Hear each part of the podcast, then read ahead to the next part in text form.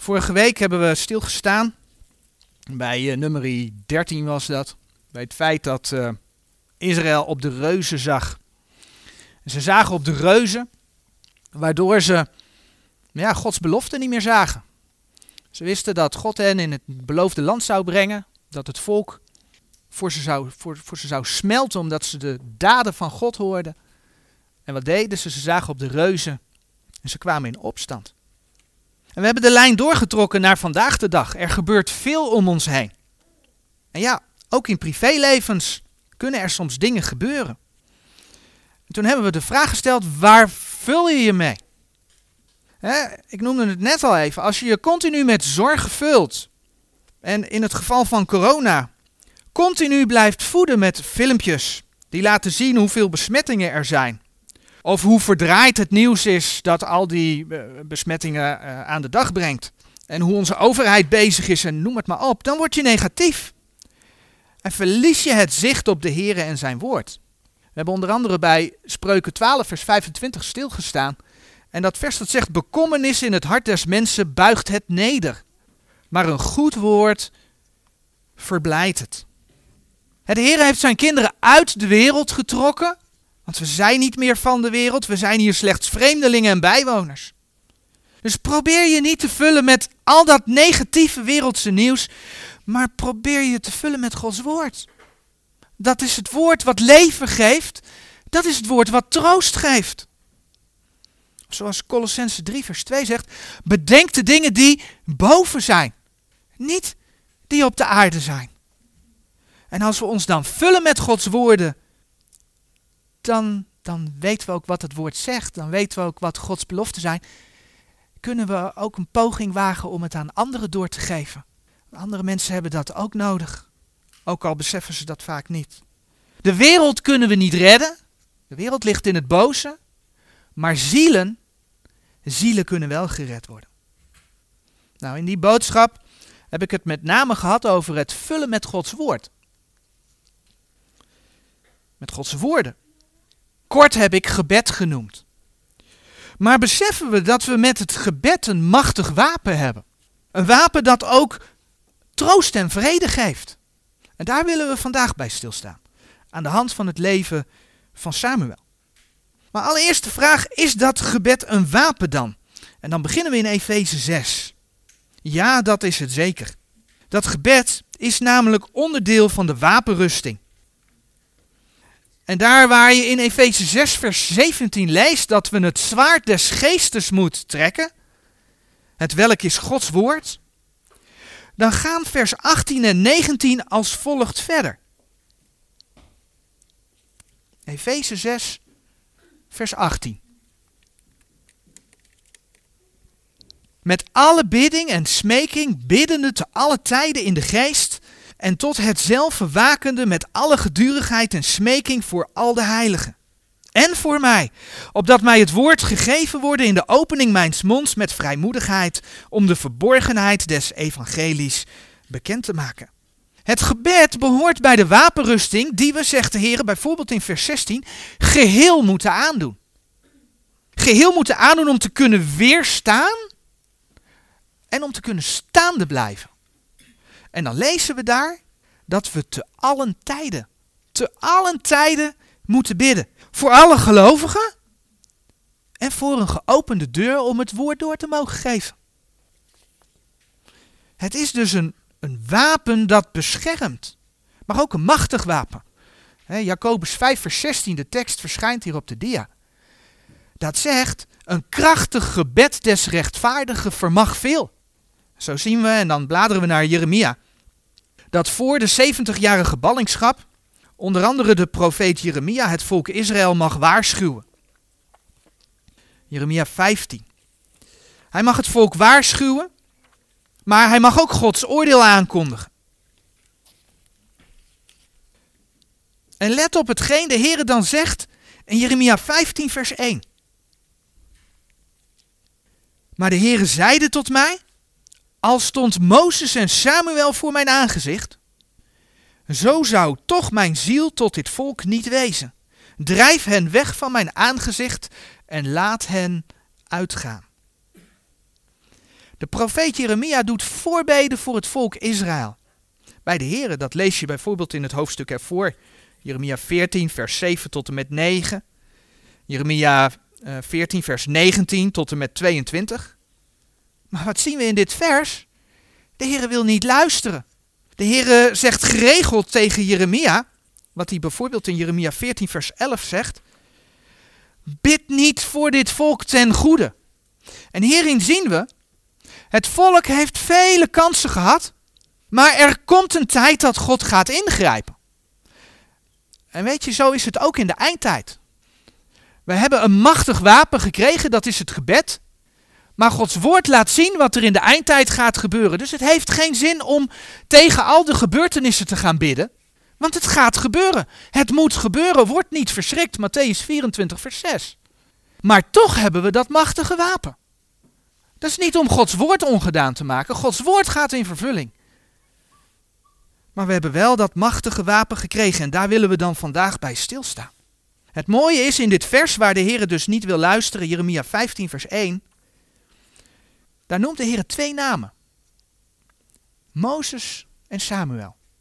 En door die twee namen hier te noemen, wordt ondanks dat de Heer hier niet luistert, wel de kracht van het gebed benadrukt. Want zowel Mozes als Samuel deden ook voorbeden. Ze deden voorbeden voor het volk Israël. En we weten, dat gaan we straks ook lezen, dat God naar hen luisterde. De vele voorbeelden van Mozes bijvoorbeeld, ik wil eerst een voorbeeld van Mozes noemen, zijn denk ik wel bekend. En Mozes die het volk Israël uit Egypte mocht leiden van God. En dat volk iedere keer maar mopperen en zondigen. Waardoor Mozes weer naar de Heer moest gaan om vergeving te vragen. We zien het bij de tien, bij de tien geboden. Mozes bleef te lang weg op de berg toen hij de tien geboden van God kreeg. En wat gebeurde er? Het volk gaat twijfelen. Het volk ziet meer, niet meer op de belofte. En ze gaan een gouden kalf maken. Terwijl ze al gehoord hadden dat God zei: Maak geen gesneden beeld om die te aanbidden. Maar ze maken een gouden kalf. Er wordt een groot feest georganiseerd. Exodus 32. Een groot feest om dat gouden kalf te aanbidden. En wat zegt de Heer dan? De Heer die ziet dat en die wil het volk verteren om, volgens, om vervolgens uit Mozes een groot volk te maken. Dat kun je lezen in Exodus 32, vers 10. En wat doet Mozes? Mozes die bidt voor het volk. Dat lees je in vers 11 en 13. En wat lees je dan in vers 14 van Exodus 32? Toen berouwde het de Heere over het kwaad het welk hij gesproken had zijn volk te zullen doen. En als je dan vers 31 er nog bij pakt, 31 en 32, dan lezen we daar. Zo keerde Mozes weder tot de Heere en zeide, Och, dit volk heeft een grote zonde gezondigd, dat zij zich gouden goden gemaakt hebben. Nu dan, indien gij hun zonde vergeven zult, doch zo niet, zo delg mij nu uit uw boek, het welk gij geschreven hebt. Mozes had, net als Paulus, grote beroering. Tranen die over zijn wangen gingen. Daar hebben we vorige week even bij stilgestaan. Over de levens van het volk Israël. Wat overigens niet inhoudt, want dat lees je ook in, in Exodus 32 en 33, dat het volk niet gestraft werd. Dat lees je in dezelfde geschiedenis. Maar Mozes deed voorbeden en de Heere hoorde. De Heere hoorde en hij verteerde het volk, niet het hele volk. En dat lezen we keer op keer in de wet van Mozes. Hetzelfde zien we in het leven van Samuel. En dan bladeren we naar 1 Samuel toe.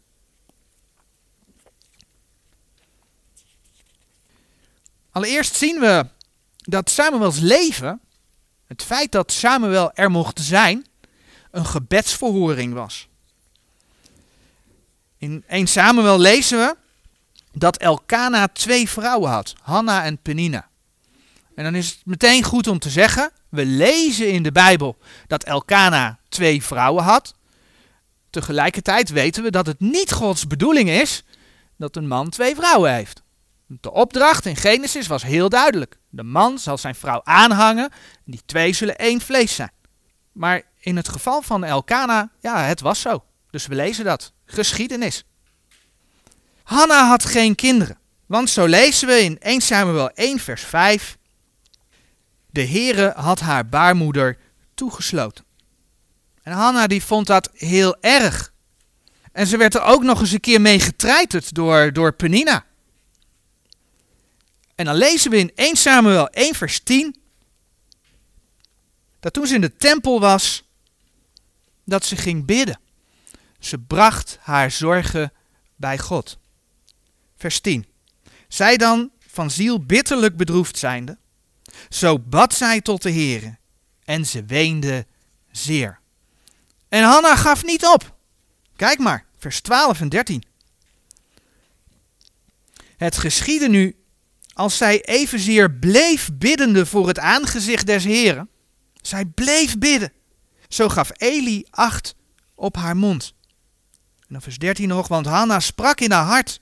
Alleenlijk roerden zich haar lippen, maar haar stem werd niet gehoord. Daarom hield Eli haar voor dronken. Maar Hanna was helemaal niet dronken. Hanna stortte haar verdriet uit voor God. En toen kreeg ze van Eli de belofte dat God haar gebed zou verhoren. Kijk maar in vers 17. Maar Hanna had God wel een gelofte gedaan. Vers 11. Dus toen Samuel geboren werd en hij oud genoeg was om zonder zijn moeder te kunnen, bracht ze hem naar de tempel om de Here te dienen. En dat kun je dan lezen in vers 22 van 1 Samuel 1, vers 24, vers 27, vers 28. Maar we lezen dan in 1 Samuel 1, vers 28 dat uh, Hanna zegt, daarom heb ik hem ook de Here overgegeven, al de dagen die hij wezen zal. Hij is van de Here gebeden. En dan komt er een zinnetje. En hij bad al daar de Here aan. En ik geloof, aangezien het hier gaat over hem in dat vers, en dat is Samuel. En hij is van de Here gebeden, dat is Samuel. Dat het bij en hij bad de Here aan, dat het ook om Samuel gaat. En zo jong als Samuel was, zo jong als hij was, hij diende de Here en aanbad hem. We hebben er al wel eens bij stilgestaan dat je zou denken dat het een geweldige plek was hè, om te zijn, de tempel. Samuel, geweldig, gaat naar het huis van God. Maar als je dan de Bijbel leest, dan zie je dat die tempel, dat het huis van God eigenlijk helemaal niet zo'n geweldige plek was. Het was een gevaarlijke plek om te zijn. Want Eli was helemaal niet zo'n geweldige priester. Zijn zonen namen de offers, dat lees je in 1 Samuel 2, vers 13 tot en met 16 en vers 22, namen de offers van de mensen voor zichzelf. En als de mensen het niet wilden geven, nou dan zorgden ze wel dat ze het kregen, dan, dan deden ze dat met geweld. Zo ging dat daartoe. En sterker nog, of erger nog moet ik zeggen, ze sliepen zelfs met de vrouwen die naar de tempel toe kwamen. Dat gebeurde daar. En moet je kijken wat de Heere God tegen uh, Samuel over Eli zegt in 1 Samuel 3 vers 13. Want ik heb hem te kennen gegeven dat ik zijn huis richten zal tot in eeuwigheid, om der ongerechtigheid wil die hij geweten heeft. Want als zijn zonen zich hebben vervloekt gemaakt, zo heeft hij hen niet eens zuur aangezien. Dat is wat God zegt. Hij heeft ze niet eens zuur aangezien. We lezen ergens dat Elise wel waarschuwde. Maar in Gods ogen, hij heeft ze niet eens zuur aangezien. Dus hij, hij liet het maar gaan. In het huis van God. Dat was de tempel. Dat was waar Samuel terecht kwam. En ondanks al die slechte voorbeelden, lezen we van Samuel in 1 Samuel 2, vers 26. En de jongeling Samuel nam toe en werd groot en aangenaam, beide bij de heren en ook bij de mensen. Dat betekent dat Samuel in de eerste jaren bij zijn moeder een goed voorbeeld heeft gehad. Want dat goede voorbeeld kreeg hij in de tempel blijkbaar niet. Van Elkana lezen we weinig. Maar van Hanna lezen we dat ze bad. En toen ze Samuel naar de tempel had gebracht, dan doet het kopje vermoeden 1 Samuel 2 dat ze een lied zong. dat heet de lofzang van Hanna. Maar de tekst zegt opnieuw dat ze bad. En kijk wat ze bad. In 1 Samuel 2, vers 1 en 2 bijvoorbeeld. Toen bad Hanna en zeide: Mijn hart springt op van vreugde in de Heere. Mijn horen is verhoogd in de Heere. Mijn mond is wijd open gedaan over mijn vijanden, want ik verheug mij in uw heil. Er is niemand heilig gelijk gij, gelijk de Heere, want er is niemand dan gij. En er is geen rotsteen gelijk onze God. En vanaf vers 5 bidt ze. Die verzadigd waren, hebben zich verhuurd om brood, en die hongerig waren, zijn het niet meer. Totdat de onvruchtbare zeven heeft gebaard, en die vele kinderen had, krachteloos is geworden. De Heere doodt en maakt levend. Hij doet ter helle nederdalen, en hij doet weder opkomen. De Heere maakt arm en maakt rijk. Hij vernedert, ook verhoogt hij. Hij verheft de geringen uit het stof, en de nooddruftige verhoogt hij uit de drek, om te doen zitten bij de vorsten dat hij hen de stoel der ere doet beërven. Want de grondvesten des aardrijks zijn des Heren, en hij heeft de wereld daarop gezet. Alles wat de schrift laat zien, laat zien dat Hanna een vrouw van groot geloof was. En Hanna heeft Samuel, die eerste jaren dat ze Samuel opgevoed heeft, dat voorgeleefd. Heeft Samuel verteld over de Heer? Heeft met hem gebeden? En nee, dat stukje opvoeding staat niet letterlijk beschreven. Maar de schrift zegt wel in Spreuken 22 vers 6. Leer de jongen de eerste beginselen naar de eis zijns wegs. Als hij ook oud zal geworden zijn, zal hij daarvan niet afwijken. En in het Nieuwe Testament vinden we eenzelfde voorbeeld in Timotheus. In 2 Timotheus. 2 Timotheus 1, vers 5. Daar zegt uh, Paulus tegen Timotheus. Als ik mij in gedachtenis breng het ongeveinsd geloof dat in u is, het welk eerst gewoond heeft in uw grootmoeder Lois en in uw moeder Eunice, en ik ben verzekerd dat het ook in u woont. In 2 Timotheus 3 vers 15 lezen we dat Timotheus van jongs af aan de heilige schriften gewezen heeft. Zijn moeder heeft hem die gegeven om te lezen. We spreken een hoop positiefs over Samuel. Maar besef dat Samuel dus ook een slecht voorbeeld kreeg. In Eli. En blijkbaar, als je denkt aan die tekst, leer de jongen de eerste beginselen naar de eis zijns weg, zoals hij ook oud zal geworden zijn, zal hij daarvan niet afwijken. Eli had zijn zonen niet onder de duim, om het maar even zo te zeggen. Die liet ze maar gaan. Maar het blijkt dus dat Samuels zonen, dat je daar hetzelfde ziet. Dat kun je vinden in 1 Samuel 8, vers 3. Dus blijkbaar had Samuel, ja, Samuel zelf ook problemen met de opvoeding van zijn kinderen. Even los van het feit, vind ik wel belangrijk om erbij te zeggen, want je kunt nooit alles één op één van ouder op kind doortrekken. Een kind zal uiteindelijk ook zelf een keuze moeten maken. Maar we zien wel, hè, de Heer die dit zegt, we zien het in, het in het leven van Samuel gewoon gebeuren. Heb je kinderen? Geef hen het goede voorbeeld vanuit Gods woord, want het bepaalt ons als ouders bij de verantwoordelijkheid die we hebben. Geef hen het goede voorbeeld uit Gods woord door gebed. En dan bedoel ik niet alleen dat je voor ze leest en voor ze bidt, maar dat je ook laat zien dat je zelf Gods woord leest. Dat je zelf ook met de Heer in gesprek gaat. Geef het voorbeeld. Dat je met ze leest en met ze bidt. En voor de moeders, we hebben een tijdje terug bij de thema's stilgestaan, bruidegom en bruid, en gekeken naar hoe God ook naar het gezin kijkt, naar man en vrouw. Ja, God geeft de verantwoording van de opvoeding aan de vader. Efeze 6, vers 4. Maar zie je in deze geschiedenissen hoe groot ook de rol van de moeder is? Brengen wij, geven wij als ouders het goede voorbeeld. En dan lezen we dus van Samuel toen hij nog heel jong was, toen hij in die tempel kwam.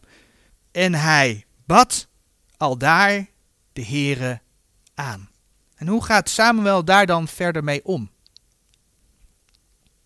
Als we kijken naar 1 Samuel 3, het gedeelte dat gaat over de roeping van Samuel, dan zie je in dat gedeelte dat Samuel open staat voor het woord van de Heer. Hij wil luisteren. Tot drie keer toe hoort Samuel roepen. En de Heere riep Samuel.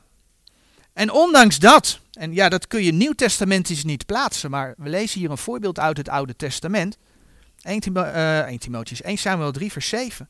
Ondanks dat we dan lezen, doch Samuel kende de Heere nog niet en het woord des Heeren was aan hem nog niet geopenbaard. Het woord van God is aan ons geopenbaard. Wij hebben de schrift. Daar kom ik zo meteen nog op terug. Voor Samuel lezen we dit. Maar we zien dat Samuel open staat om te, ervoor open staat om te luisteren. Tot drie keer toe, zegt hij, zie hier ben ik. Maar hij denkt dat het Eli is die hem roept. En Eli had bij de derde keer door dat het, dat, dat het de Heere moest zijn die hem riep. En dan lezen we dat Eli tegen Samuel zegt in 1 Samuel 3 vers 9. Daarom zeide Eli tot Samuel, ga heen, leg u neder en het zal geschieden. Zo hij u roept, zo zult gij zeggen, spreek heren, want uw knecht hoort. Toen ging Samuel heen en legde zich aan zijn plaats. En dan komt de Heere, spreekt tot Samuel en dan zegt Samuel, 1 Samuel 3 vers 10, Spreek, want uw knecht hoort. Mooi hè? En Samuel luistert naar wat de Heere zegt. En dan lezen we in 1 Samuel 3 vers 21. En de Heere voer voort te verschijnen te Silo, want de Heere openbaarde zich aan Samuel te Silo door het woord des Heren. Samuel luisterde naar het woord des Heren en sprak met de Heren. Dat contact, dat heeft hem ook gevormd. Gevormd ook in zijn gebedsleven.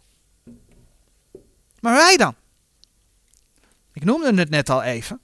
Wij hebben het woord van God gekregen. Als je in Hebreeën 1 vers 1 kijkt,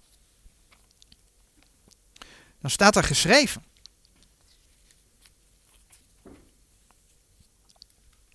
God voortijds, veelmaals en op velerlei wijze tot de vaderen gesproken hebbende door de profeten, heeft in deze laatste dagen tot ons gesproken door de Zoon. Hij is in Jezus Christus naar deze aarde gekomen, maar heeft ons zijn woord gegeven. Zijn woord gegeven waarin we over Jezus Christus kunnen lezen. Opdat wij weten dat we het eeuwige leven hebben. Ik lees de versen nog een keer voor. 1 Johannes 5. Ik zeg nog een keer, dat komt omdat het vorige week besproken is. 1 Johannes 5 vers 11.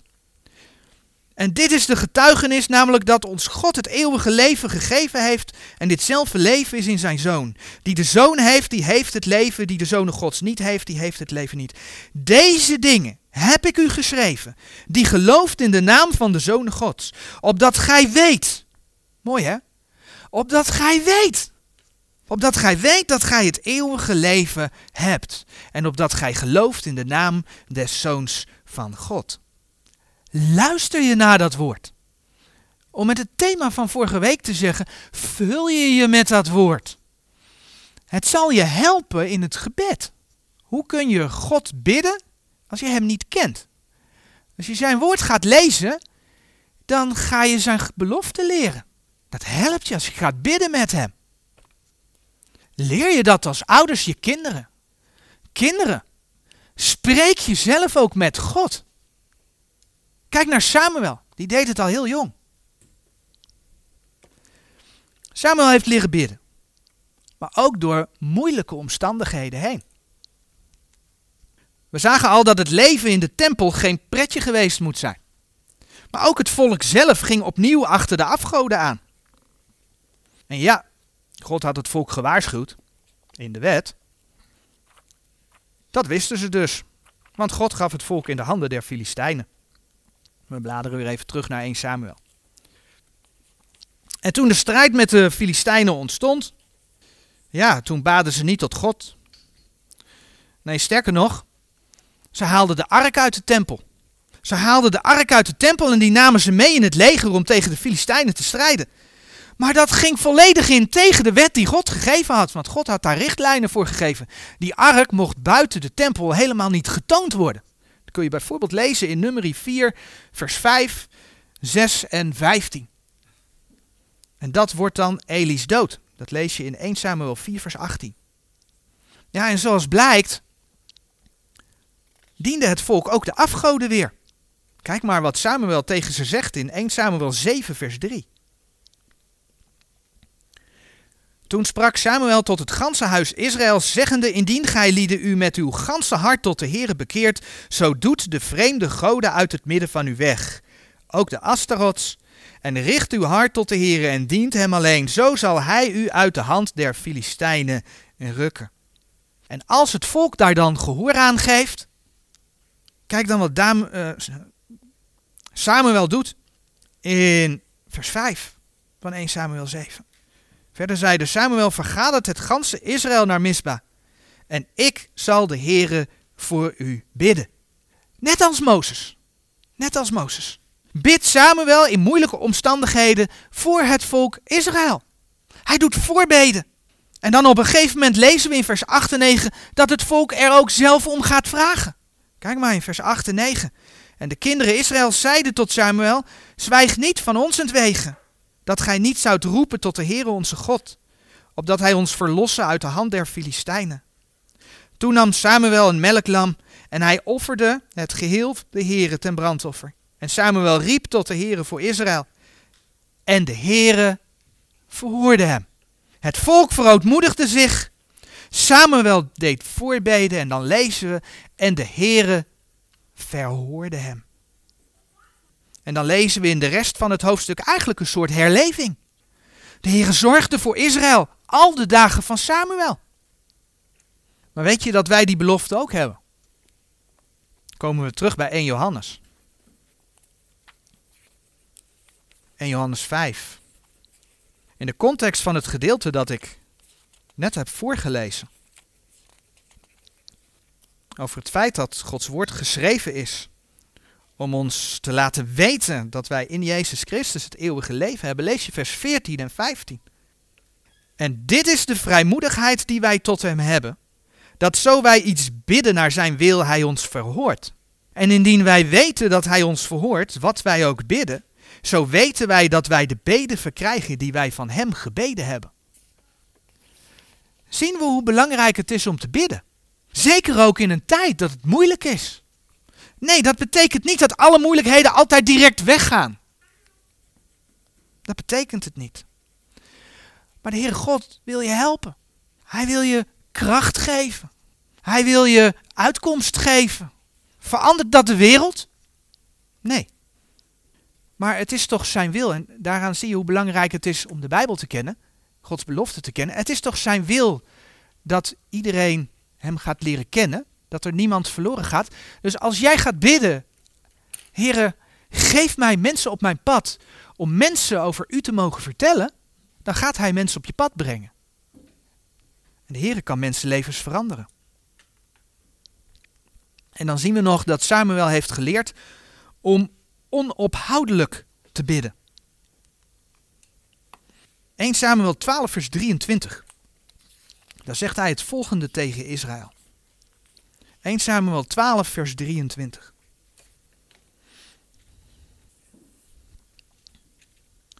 Wat ook mij aangaat, het zij verre van mij dat ik tegen de Heere zou zondigen, dat ik zou aflaten voor uw lieden te bidden. Maar ik zal u de goede en rechte weg leren. Het is dus zonde om niet continu voor anderen te bidden.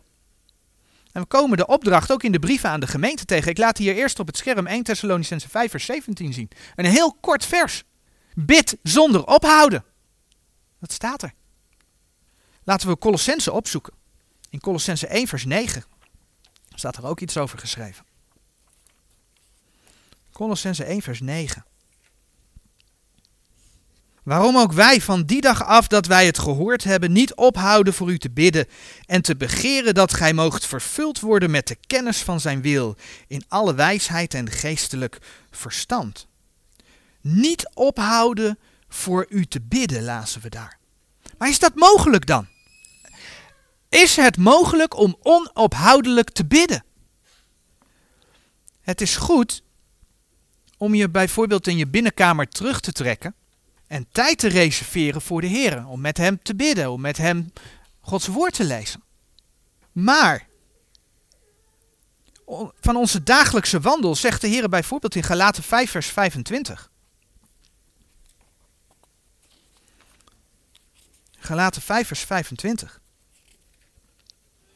Indien wij door de geest leven, zo laat ons ook door de geest wandelen. Ben je wederom geboren? Indien wij door de geest leven, zo laat ons ook door de geest wandelen. Onze wandel mag met de geest zijn. Dat is iets, die wandel, dat is iets wat je continu doet. Dus als je wederom geboren bent, wandel er ook naar, leef ernaar. En als je wederom geboren bent, 1 Korinthe 6 vers 17, ben je één geest met de Heer. Je kunt dus continu, ook als je andere dingen doet, de Heer bidden.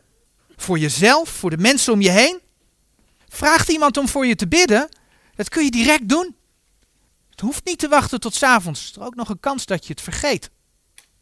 Zie je iets gebeuren? Je kunt direct met de Heer spreken. Daar hoef je niet een of andere houding voor aan te nemen. Dat kan in de stad. Dat kan in de winkel. Dat kan thuis, dat kan op straat, dat kan onderweg, dat kan op je werk, op school. Dat is bid zonder ophouden. In plaats van te mopperen over bepaalde situaties of een bepaalde persoon die iets gezegd heeft, kun je bidden voor die situatie of die persoon. Heer, u weet wat er nu gebeurt. Help mij. Dus om aan te sluiten bij de boodschap van vorige week. Je kunt je blijven vullen met alles wat er zo erg is, wat er om je heen gebeurt. En je belandt in de zorgen die het zicht ontnemen op de belofte die de Heer gegeven heeft in zijn woord. Wat je beter kunt doen is je verdiepen in zijn woord en bidden. Bidden voor jezelf. Danken voor de mooie dingen, want die zijn er nog steeds. Danken voor de mooie dingen. Bidden voor kracht in moeilijkheden. Maar ook voor mogelijkheden. Mogelijkheden om anderen te bereiken met zijn woord. Bidden voor de overheid. Dat ze met Gods wil hun boze plannen gewoon nog niet kunnen uitvoeren. Ook dat heeft God in zijn hand. Dat ook in die kringen mensen tot geloof mogen komen. De Heeren mogen gaan leren kennen. Bidden voor je naasten. Broeders en zusters die het moeilijk hebben, voor ze bidden. Bidden voor je naasten die de Heeren nog niet kennen. En weet je, dat geeft vrede. Ondanks moeilijkheden belooft de Heer namelijk je dan zijn vrede. Als laatste zoeken we op Filippenzen 4. Filippenzen 4, vers 5 en 6. En daar lezen we. Ik begin bij vers 6. Wees in geen ding bezorgd, maar laat uw begeerte in alles door bidden en smeken met dankzegging bekend worden bij God. En dan zegt vers 7. En de vrede Gods, die alle verstand te boven gaat, zal uw harten en uw zinnen bewaren in Christus Jezus. Wees in geen ding bezorgd, maar laat uw begeerte in alles door bidden en smeken met dankzegging bekend worden bij God. En de vrede Gods, die alle verstand te boven gaat, zal uw harten en uw zinnen bewaren in Christus Jezus. En ja, soms is dat een moeilijke les. Soms zie je in bepaalde dingen geen uitkomst. Soms ben je onheus behandeld door een ander. Maar weet je, als je dan met heel je hart kunt zeggen: Heere God, u weet alle dingen. Ik kan de situatie niet veranderen. Wilt u mij helpen om verder te gaan? Wilt u mij kracht geven? Wilt u mij uitkomst geven? Maar ook laat mij zien of ik zelf iets fout heb gedaan. En wilt u ook in die ander werken? Dat hij of zij mag gaan zien wat er gebeurd is? Dat ook die andere persoon tot de waarheid mag komen? Als je dat allemaal bij hem kunt neerleggen en weet dat hij de uitkomst wil geven, dan geeft dat rust. Want dan weet je gewoon, ja, ik kan het zelf niet, maar hij wil het voor mij doen. Dat betekent dat de situatie op dat moment niet eens veranderd is, maar het geeft je rust, omdat je zijn vrede mag ervaren. En dat geldt eigenlijk voor alle dingen. Amen.